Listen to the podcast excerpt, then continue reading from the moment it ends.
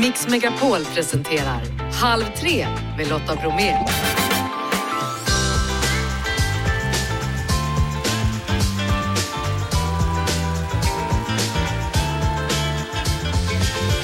Hallå där och varmt välkommen in i Halv tre-studion. I dagens onsdagsmix, ja då hör du Uno Svenningsson och hans nya låt. Det är den internationella barncancerdagen idag och jag pratar med sjuåriga Melina och hennes mamma om hur Melina kämpat mot cancer. Man får bara cancer. Man vet, man vet aldrig när man blir sjuk. Det är så himla mycket som jag har varit med om så att man kan knappt beskriva det. Ni hör mer efter klockan 15. Älgarna kan komma att rödlistas. Vad är det som händer egentligen? Vi kollar också in ett ungt företag och lär oss mer om krim med Lena. Idag handlar det om Lex Luna. Och dessutom då, det är geléhallonets dag. Ni hör om dess historia. Lillördag brukar det kallas för, onsdagen, ja, nu kör vi. Nu vänder vi öronen mot västkusten. Hur är läget där så här på en onsdag, Uno Svenningsson? Hej Lotta! Jo men det är bra. Ja, Eh, sitter här i min studio och knåpar lite grann. hur firade du alla hjärtans dag igår undrar man? Eh, vi var och käkade på en restaurang här i Stenungsund, jag och min fru. Mhm. Eh, åt gott och eh, mm, var det, ja det var det vi gjorde. Det var det ni gjorde ja. Du, eh, vi ska låta kärleken spira vidare här alldeles strax med din låt och som du släppte just igår på alla hjärtans dag, Jag vill vara förälskad. Är du det fortfarande i din fru och i så fall, hur håller ni allt levande? Det, ja, jag är fortfarande kär i min fru. Eh, sen kan man ju inte gå runt och vara förälskad jämt förstås, då ska man bli som en blöt fläck. Men, det, eh, det är ju det här med humor tror jag, att, man kan skratta och ha det bra tillsammans. Jag tror det. Mm. Be- Berätta om den här låten, för den börjar tydligen med en vissling och så slutar den i en känsla av att vara förälskad. Ja, jag har skrivit den med min son eh, Mark. Vi håller ju på med en ny skiva tillsammans. Eh, och eh, eh, titeln säger det mesta så jag tycker folk får väl bilda sin egen uppfattning och lyssna på den helt enkelt. Mm. Du Ja. involverar ju mycket av familjen. I höstas så släppte du låten Stannar som du också gjort då med, med din son och den är då tillägnad ditt första barnbarn Mila. Ja, lilla Mila hon, eh, hon gick igång på den. Kan inte sitta still. Så att eh, det blev eh, Stanna Milas sång kallade vi den till slut. Ja. Ja, det är underbart. Betyder det att du blivit farfar nu alltså? Uno? Ja, ja det är farfar nu. Ja, jag, står här och, jag tänkte tidigare och så tänkte jag på, hur var det första gången vi sågs? Jo, vi sågs på Mariaberget i en kyrka när ni precis hade släppt en människa. Det är några år sedan. I, i Benesierkyrkan var det. Ja, precis. Och det var, jag tror det var du som gjorde den första större intervjun jag gjorde. Det var du. Jaha. Och nu är vi här så många år Och nu senare. är vi här. Ja. Ja, det är underbart. Ja, det är bara-. Ja, det är härligt.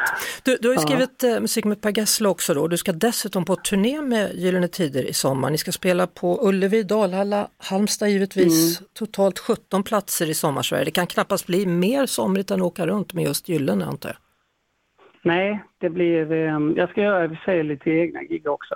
Eh, det ska jag göra. Så att det blir fullt i sommar. Men det ska bli otroligt spännande. Ett litet äventyr. Mm. Och få hänga, hänga runt med dem i sommar. Det ska bli, det ska bli jättekul. Jag tror den bara kom också. Det, som, det finns ju inte så... Alltså det, Gyllene Tid är ju verkligen sommar. Ja, de är ju det. Eh, Ja. Nu lyssnar vi på din låt då. Det är lite ovanligt det där. Man brukar ju alltid lida för att kunna skapa, men här är du faktiskt glad och skapar. ja, Det kan funka det också. det kan funka det också. Sköt om dig Uno och så hörs vi Ja, tack så framöver. mycket. Halv tre med Lotta Bromé på Mix Megapol. Jag har en bok framför mig som är skriven av Per H Börjesson. Den heter Så här kan alla svenskar bli miljonärer. Välkommen hit Per! Tack så mycket. Ja, det kanske kan vara lite provocerande för en del med en sån här bok när flera nu kämpar med elräkningar och annat. Ja, det kan säkert stämma så att säga. Men det vill påstå att det är till och med sant faktiskt. Att, men det gäller ju, det tar tid då. Det är, väl, det är väl problemet att alla kan bli rika på aktier då men, men man får inte ha bråttom. Det är väl ett av, ett av mina budskap. Ja, för du menar på allvar att alla svenskar kan bli miljonärer?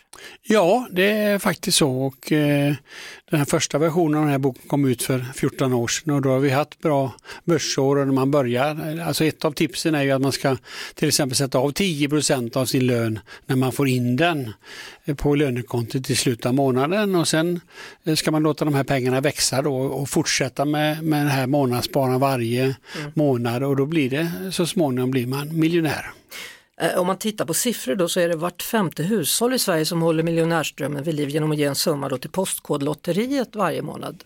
Och du menar troligtvis då antar jag att man kan investera de pengarna i något annat istället? Ja, det är bättre. Liksom. Jag vill nog påstå att jag har skapat mer miljonärer än Postkodlotteriet. För problemet är att eh, det är ganska få som blir miljonärer. Och om man då till exempel sätter in 170 kronor varje månad, man tror att man får 10 i årlig avkastning, då med ränta på ränta, och då får man faktiskt en, då har man en miljon efter 40 år. Och skillnaden då är att man är säker på miljonär. Det kan ta 45 år, det kan ta 30 år. Men när man köper Postkodlotter, ja då blir det ju eh, de största pengarna eh, försvinner till de som äger konceptet och sen går det, gör de givetvis till välgörenhet och sen går det tillbaka lite grann. Men det är ganska få som blir miljonärer faktiskt när det gäller Postkodlotter.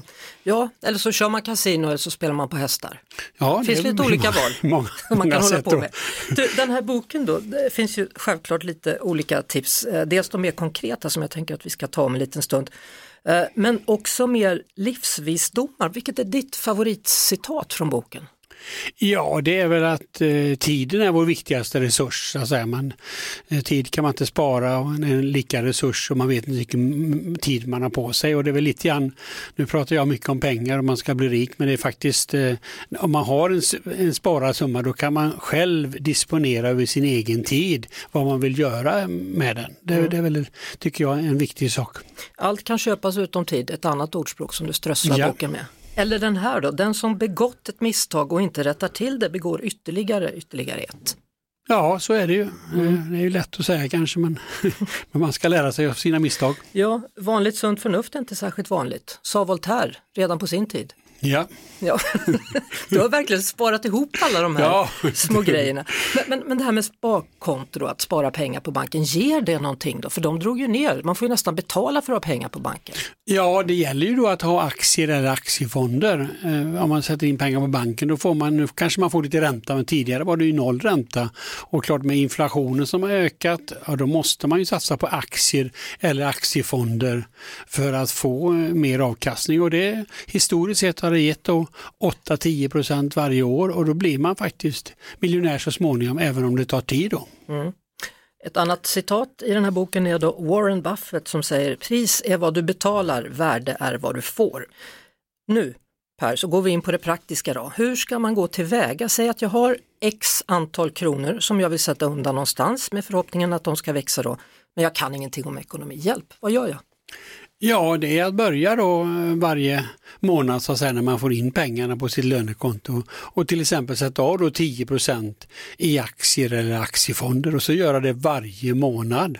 Och då blir det mycket pengar så småningom. Det, det svåra med det är ju nu när man har så mycket räkningar och framförallt elräkningar som man ska hålla koll på och dessutom matpriser som bara springer iväg.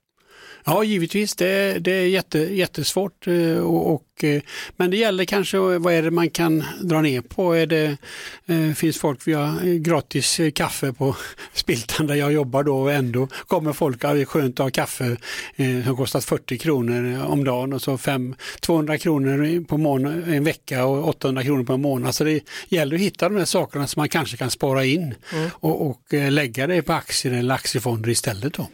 Ja, det är det du hyllar, aktier eller aktiefonder. Är det pengar som man inte behöver i nuet som man kan lägga åt sidan där och så får de jobba av sig själva? Är det så man tänker? Ja, och det är klart att det är alltid en avvägning. Ska man uh, ut och äta middagar och dricka öl eller hitta på roliga saker eller ska man få mycket, mycket mer pengar i framtiden? Men man, man mår ju bättre om man har en sparad slant och tänker jag kan köpa det eller jag kan göra det. Men jag gör inte det för jag, för jag sparar pengar. Förutom aktier och fonder och så vidare då, så har du också sagt och skriver här att den bästa långsiktiga placering man kan göra det är att köpa en egen bostad. Ja, eh, det vill jag nog påstå. Det är ofta man, man frågar folk vad är din bästa affär? Ja, då jag köpte en bostadsrätt, jag köpte en villa. Och sen är det ju långa spartider. Man, man har ju en bostad hela tiden och då istället för att betala eh, hyra till någon som är riktigt rik, någon fastighetsägare, så betalar man ju då ränta och amortering och spara till sig själv. Så jag vill påstå att, eh, att det är bra. Men sen gäller det då klart att spara ihop till den här första kontantinsatsen som är eh, besvärligt. Då. Men, men jag vill påstå att det fortfarande gäller och även om vi har haft lite nedgång nu så tror jag på lång sikt så är det en bra idé att ha en egen bostad om man inte då, framförallt om man bor i storstadsområden och kanske inte på en, på en liten ort någonstans ute i skogen kanske inte lika bra mm. väderutveckling men, men bor man i hyfsat stora städer så tror jag absolut att det är en bra idé att ha en egen bostad. Vi har ju det väldigt tufft ekonomiskt i Sverige då, vi har sämst tillväxt i hela EU. Men du har ju faktiskt förutspått de senaste ekonomiska kriserna och om du tittar framåt då, hur länge tror du det kommer fortsätta så här? Ja, nu om man ser på börsen har det faktiskt nästan vänt. Det var ju eh, som sämst september, oktober. Den ser ju framåt då att de tror att eh, eh, räntor, inflationen kommer gå ner och räntor kommer gå ner, tror, tror börsmarknaden just nu. Och mm. det, det, är ju därför den har gått upp. Men, men det är klart att det blir det är tufft för många med, med räntor och med, med, inflation och med priser. Men det, det är klart, det är inte, det är inte lätt. Men, men eh, det enda sättet att, att bli rik det är faktiskt att sätta av ett belopp varje månad. Bill Gates har då sagt många överskattar vad man kan göra på ett år men underskattar vad man kan göra på tio år. Och det är ett citat som du också har med i din bok. Då. Va, vad är det säkraste sättet att spara pengar för att få någonting tillbaka om vi blickar ett år framåt i tiden respektive tio år framåt?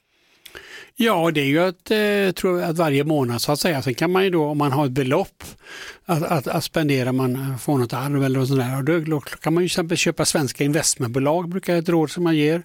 Eh, bra ägare, låga kostnader och man får hel, hela börsen. Det är, ju, det är ju ett sätt. Mm. Men sen gäller det att spara varje månad, då blir det faktiskt pengar. Och sen då att man inte slutar. Om nu till exempel börsen gick ner här förra året, då blir, blir man nervös och så säljer man av alla sina aktier. Det ska man inte göra utan man ska fortsätta och då får man ju nu mer aktier varje månad när man sparar. Mm. Och så gäller det att fortsätta då och inte eh, då kanske man får ihop 10 000 kronor, då tar man ut de pengarna och, och åker till, och, ut och reser. Men om man kommer upp till en miljon då, ja, då har man då 10 procent, då har man ju 100 000 varje år som man kan spendera. Och det, så det kan man åka långt? Vadå? Då kan man åka, ja, långt, kan man åka längre än till Alingsås. Ja, hela familjen. Ja. Hörru Per H Börjesson, bördig i Alingsås, vad var det du sa förut? För jag sa till dig, du måste vara västgöte och det är du ju, du är från Alingsås, jag är från Skövde. Och så sa jag, vad, vad, är, vad är det man säger om smålänningar, att de är snåla? Hur var det? Smålänningar frågar ju eh, hur mycket kostar det och västgötar vi frågar, kostar det något? Ja, det, så är det. Tack för att du kom hit. Halv tre med Lotta Bromé på Mix Megapol. Idag är det ju den internationella barncancerdagen och häromdagen så hade jag ett samtal med Jane Oksanen och hennes sjuåriga dotter Melina. Välkomna Jane och Melina. Ja, tack så mycket. Hur är läget? Hur mår ni? Vi mår bra idag. Ja. ja. Mm. Jag brukar vara lite hjärntrött ibland. Hur har de här åren varit för dig? Alltså, det kändes jättejobbigt när jag fick sitta i rullstol ganska länge och när jag inte kunde gå. Och ja, det var jättejobbigt. Mm. När jag hade en slang i halsen. Varje gång jag kräktes så kom den upp och då behövde man äm, sätta ner den igen. Jane, berätta om den här dagen när ni fick beskedet. Jag menar, tanken att någonting ska hända ens barn är ju ja, men det är det värsta som finns. Och eh, det här var ju bara någonting som vi kanske hade sett på håll. Och jag menar att rädslan att ens barn skulle få cancer. Um, så det var verkligen att hamna i den värsta av mardrömmar som man inte blev väckt ifrån. Ångesten åt upp en hel och levande. Och det, den känslan höll i sig under hela sjukdomsresan. Eh, också i och med att Melina fick så väldigt mycket komplikationer av sin behandling. Så det gjorde att eh, Ja, det var otroligt tufft. Mm. Jätte, jättejobbigt. Det var jobbigt. Jätte, jättejobbigt för mig. Tyckte du det var konstigt att du fick vara på sjukhuset när andra var kanske på förskolan eller? Ja, det var jättekonstigt. Vad kunde du göra för någonting när du var på sjukhuset där? Det fanns en lekterapi där vart man, vart man kunde leka och göra olika grejer. Man kunde pyssla, man kunde rita, man kunde... Ja, vissa kunde klättra. Kunde du klättra mm. eller mådde du för dåligt för att klättra? Ja, jag klättrade typ aldrig på den där klätterväggen för jag kunde ju inte gå. Nej. Hur visste du att någonting inte stämde? Hon började bli lite orkeslös, fick blåmärken på benen och lite på armarna. Och man märkte liksom att glass fungerade inte längre som en muta när man bara så här att få i dig någonting. Så det var främst det. Men det var verkligen från en dag till en annan så började de här blåmärkena dyka upp. Vilka berättar ni för sen när ni har fått ett besked? Vi ringde ju familjen eh, och vänner. Det var som att orden kom ur någon annans mun och inte min egen. Att säga så här att men Melina har fått cancer. Och att höra mig säga de orden var ju verkligen som att nej men, är det, mitt, är det vårat barn vi pratar om? Att det här verkligen har hänt. Men det blev också en del i själva så bearbetningen och någonstans sen förstå att men så här var det. Att det är det här som är vår verklighet just nu och kommer att vara det. Upplevde du att människor blev rädda och inte riktigt visste hur de skulle möta dig i olika situationer? Absolut, och jag tror att det är verkligen inte för att man inte vill finnas där, för att jag tänker att människor vill finnas för varandra. Men att det finns en rädsla för att säga något fel eh, och att därför backar man undan. Men det var nog mer också när vi eh, väl fick komma hem efter flera månader på sjukhuset och när vi åkte till affären. Och då så såg de ju på Melina också då som hade tappat håret och så. Många var för, lite rädda att komma fram till oss. Kände du också att de var lite rädda och undrade, Melina? Ja, jag känner faktiskt lite på att de var lite rädda. Vad tror du de var rädda för? Jag vet inte. V vad ska man vara rädd för? Ja, vad ska man vara rädd för? Så du rakade inte av det håret då Melina, utan det ramlade av av sig själv? Ja, det ramlade av. Känns det skönt nu då när det har kommit tillbaka? Ja, det känns faktiskt jätte, jätteskönt. Ja, för jag ser att du satsar på långt hår här. Så att, eh, ja. Ja, uppsättningar snart kanske. Kan det vara svårt ibland att man har haft en sjukdom som inte syns? För hade du haft ett brutet ben så kanske det hade varit lättare att förklara. Alltså allting, det, det känns bara overkligt. Så här mycket har jag aldrig varit med om. Jag trodde att jag skulle haft ett jättebra liv och så här, men jag har haft ett tufft liv. Vad är det bästa nu då när du inte har det där tuffa livet längre? Skönt. Ja. Jag säger bara skönt. Den här sjukdomen då, akut myeloisk leukemi, angriper benmärgen om jag fattat det rätt? Ja, precis. Och då kan man få benmärg från ett register eller från en annan familjemedlem. Hur gjorde ni? Hur blev det för er? Melina skulle då få behandling mot AML, akut myeloisk leukemi och eh, om allting skulle gå som det ska så tar den ungefär, men kanske lite mer än ett halvår. Hon skulle få behandlingen genom cytostatika. Första behandlingstillfället varade på 12 dagar och det var en extremt tuff behandling som då i sin tur gav jättemycket komplikationer till Melina. Och då så fick hon lunginflammation och blodförgiftning. Cytostatikan slår ut hela immunförsvaret. Man kan säga att kroppen blir liksom nollad från allt den tidigare har haft som skydd. Efter lunginflammationen så hamnade hon i respirator och fick intensivvård. Och sen efter flera veckor när hon hade legat nedsövd i respirator så höll hennes lungor på att ge upp.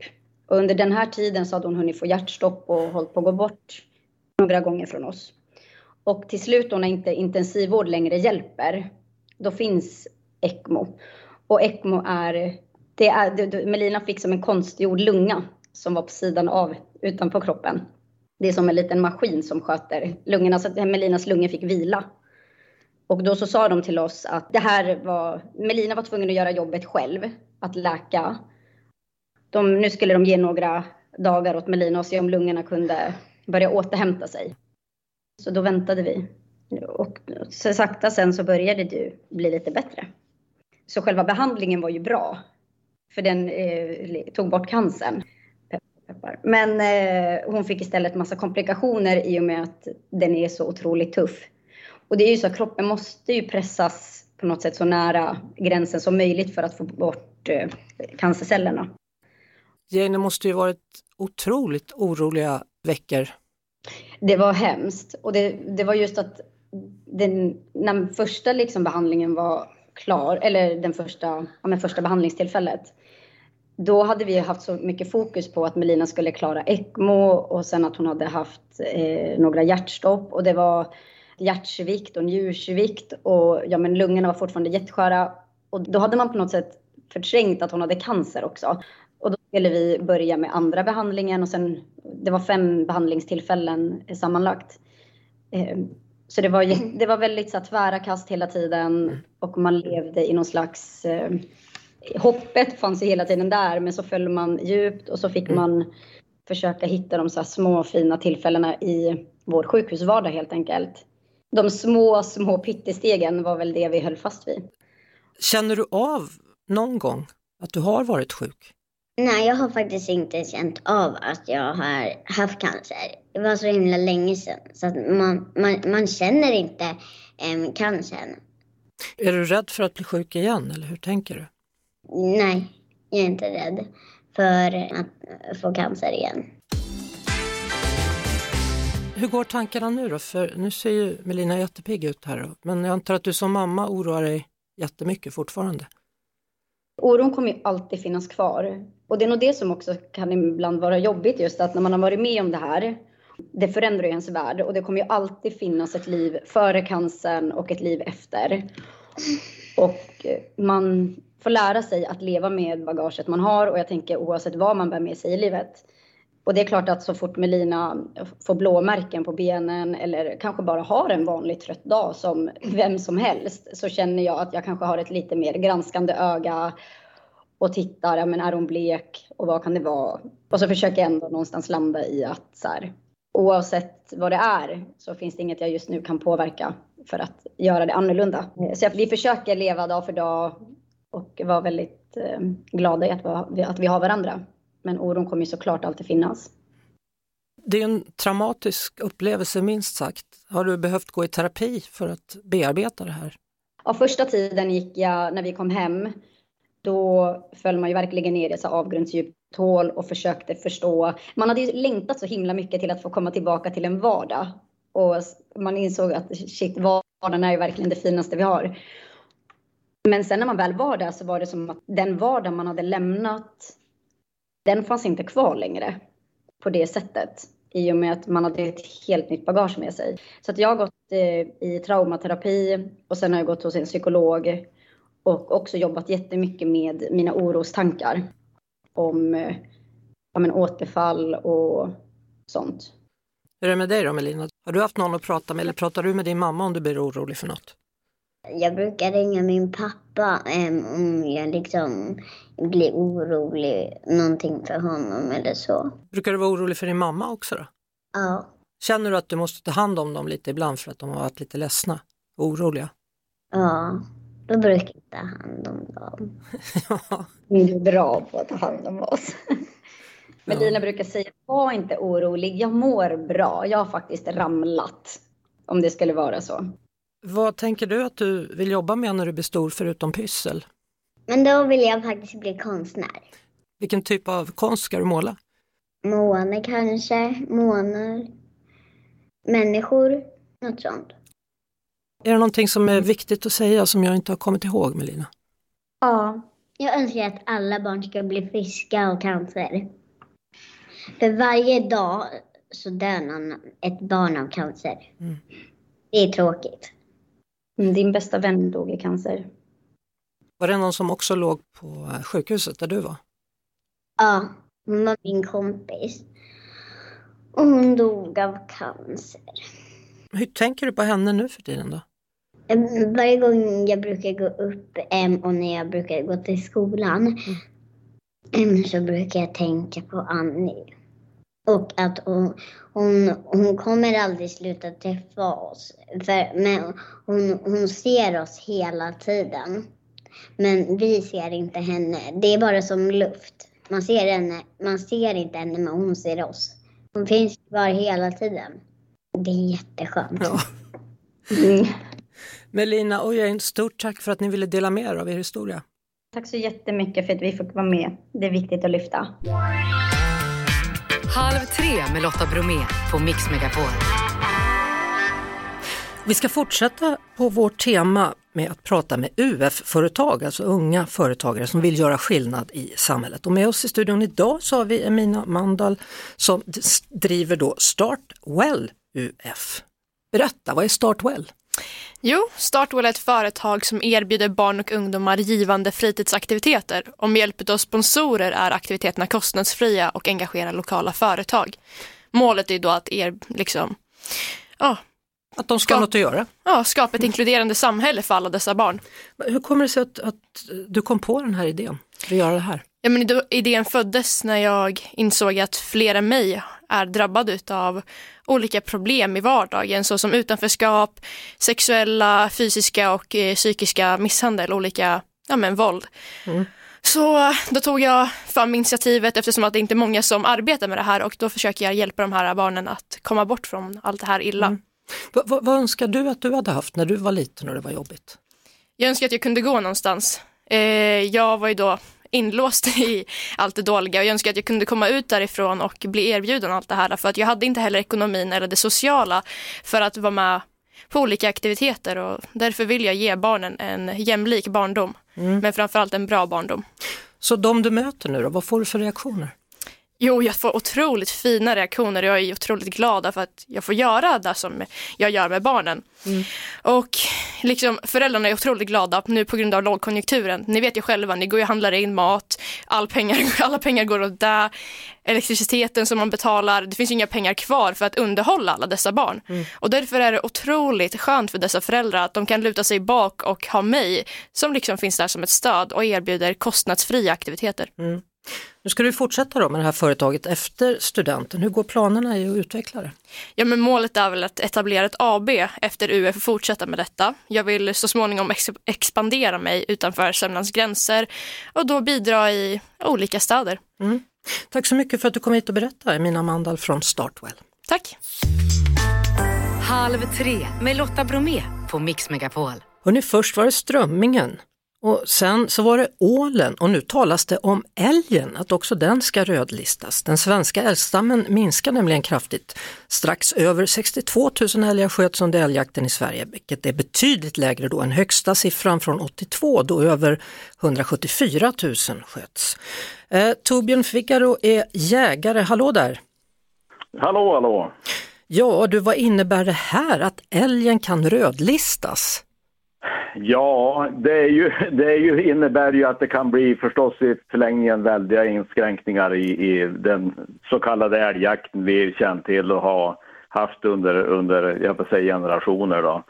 Och eh, det har ju skett en, en otrolig förändring under de år. Jag, jag började på jaga där man kan säga slutet på 70, början på 80 och då hade vi ju precis den här älgexplosion som du pratade om då, mm. vi, då vi sköt väldigt mycket älg. Då.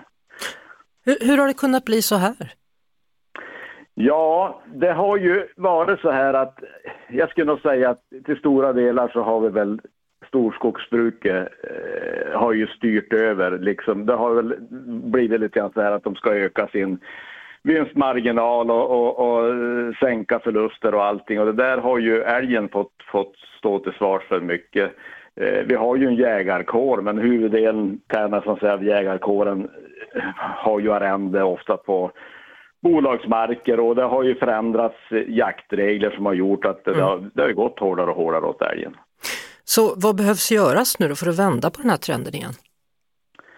Ja, för att vända det här så måste man ju börja med en mer återhållsam jakt. Det, det anser jag definitivt. Och jag skulle vilja säga så här, eh, älgen är ju ändå ja, som jag säger, nationalsymbol. Det är ju kanske någonting som, som höll våra förfäder vid liv då under svåra år och de fick skjuta sig en vinterälg. Eh, ett djur som vi ska högakta helt enkelt. Mm. Så jag menar, jag är ju älgjägare själv, men man har ju man har ju en skyldighet att förvalta så att man ska kunna jaga år efter år och att det liksom inte heller helt plötsligt blir att man ska gå på tomma marker. Nej, så hur, eh. hur jobbar du nu då aktivt för att motverka den här minskningen av älg? Ja, det största hotet som jag ser då det gäller älgstammen det är ju något som utarbetats för några år sedan som heter pottjakt eller avlysningsjakt. Eh, för att jag drar en liten snabb förklaring så kan man säga att varje jaktområde har ju sin grundtilldelning. Det kan innebära att man har till exempel 5 plus 5 älgar. Mm. Eh, om vi då skjuter de där älgarna eh, så, så finns det ju även nu något som heter pottjakt där man då liksom, de älgar som inte skjuts, de går över dit så att vilket jaktlag som helst kan ju liksom skjuta eller vilka personer som har jakträtt kan ju skjuta de här då. Mm. Och, och, det kan göra att det blir en oerhörd dubbelbeskattning av älgar. Alltså vi kanske skjuter vårat våran ränta på marken så att säga. Och sen har vi kanske fem älgar som går iväg. De vandrar ju här då vintertid mycket efter vattendrag och, mm. och du vet att då eh, kan du ha då till exempel områden där ja, till exempel att, att de här fem som vi då lämnar som ska komma tillbaka, då kanske fyra av dem, tre, fyra stycken blir skjutna och vi får tillbaka en älg. Och det är ju ett faktum som jag har själv upplevt på mark som vi ja. gör på då. Men du Torbjörn, det vore ju bedrövligt om det först är strömmingen, det vill säga surströmmingen så småningom också delvis, försvinner och sen så är det ålen som försvinner och ska älgen ja. också rödlistas, då har vi inte så mycket kvar du. Nej, nej, och så är det som jag säger, det är ju, det är verkligen ett nationaldjur. Jag menar, det är ju en symbol för, för vårt land i mångt och mycket som har varit under många år. Så att jag anser det liksom att det här handlar ju om att, att gå tillbaka kanske till ett äldre system där man liksom har enskilda vad heter nu, licenstilldelningar för områden och de ska ju mm. baseras på fakta och inte fantasi då. Då vet vi. Bra att du jobbar för detta Torbjörn Figaro. Tack för att du var med i Halv tre. Ja, men tack för att jag fick vara med.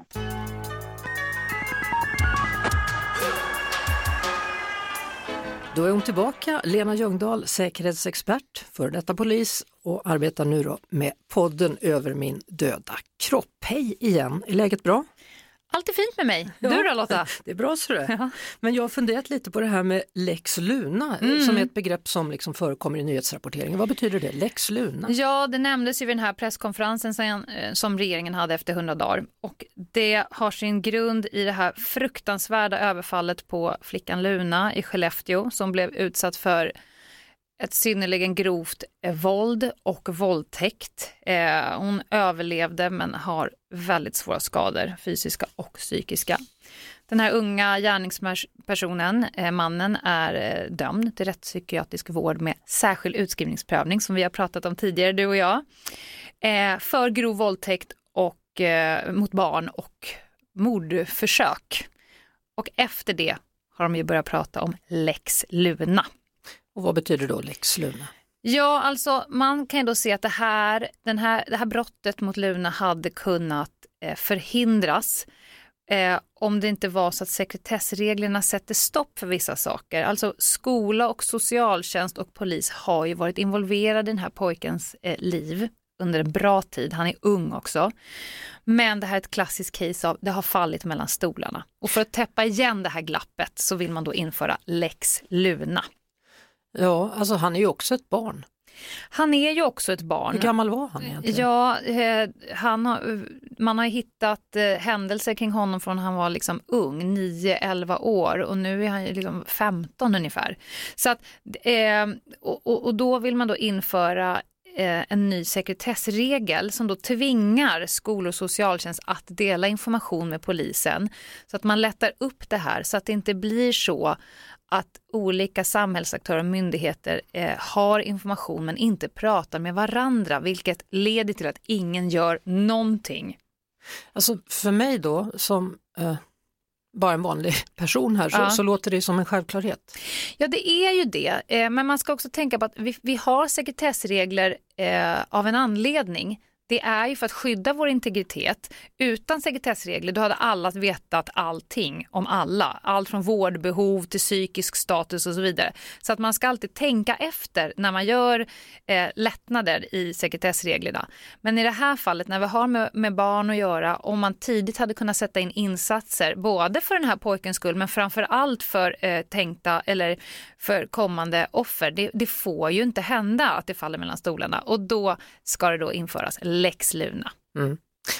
Lena Ljungdahl, säkerhetsexpert och före detta polis från podden Över min döda kropp. Tack! Halv tre med Lotta Bromé på Mix Megapol. Hörrni, idag så är det geléhallonets dag, vilket fick mig att tänka på ett födelsedagskalas som min dotter Bonnie hade för många, många år sedan, många år sedan, men ett antal år sedan. Eh, och då kom det en kille som var lite förtjust i henne och hans present var då en kaktus, en liksom banankalaskaktus, alltså man hade en gurka, satte på tandpetare och så ytterst då var det geléhallon. Eh, Geléhallonen återfinns ju alltid i godispåsar och har till och med varit uppe i rymden. Med oss nu VD på godisfabriken Aroma, Eivind Granås. Hallå, välkommen till programmet. Hallå Lotta, vad trevligt att få vara med. Ja, vad, gillar du geléhallon? Jag älskar geléhallon. Varför då? Eh, nej men alltså det är den fantastiska smaken av hallon som påminner om en eh, fin sommardag eh, kombinerad med den härliga mjuka konsistensen. Mm -hmm. Och icke minst alla minnen. Alla minnen från en barndom. Så det betyder att det finns även i Norge? Du, det finns också i Norge, och men så äter man inte så mycket geléhallon som i, eh, i Sverige. Och i Norge så heter det bringebärtopper. Jaha, bringebärtopper ja. Ja, så mm. man har gjort en liten kreativ vrid på det där. Jag förstår det. Och i Sverige heter det också då jungfrubröst tydligen. Jag har hört det, men jag tycker väl ändå att det är lite omodernt att kalla det. Det tycker jag det, faktiskt eller? också. Det ligger inte helt i tiden. Nej. Du, snart ska då geléhallonet i alla fall fira 100 år. Hur ska ni fira det? Du, vi ligger i startgroparna. Alltså det är fortfarande några år tills vi, eh, vi kommer fira den här stora, stora festen för oss. Eh, men eh, vi diskuterar om vi ska lansera någon ny smak. Det är ju lite svårt att konkurrera med en klassiker som har funnits i nästan 100 år men, men kanske är det dags för en förnyelse. Jag vill bara säga till dig, jag vill bara varna dig. Trillingnöten försvann. Det är vi många som fortfarande är ledsna över. Ja, men då ja. vet jag, jag har noterat ner det. Ja, bra.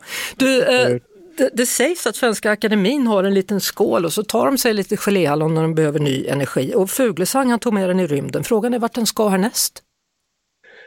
Ja, och så har den varit i rymden. Jag vet inte, Mount Everest, havets djup. Havets djup? Eh, det, ja, men alltså det finns väl jättemånga ställen fortfarande där det borde finnas geléhallon. Ja. Gärna med någon koppling till Sverige då, för att geléhallon, fast den finns i varianter över hela världen, så är det ändå en väldigt svensk produkt. Mm.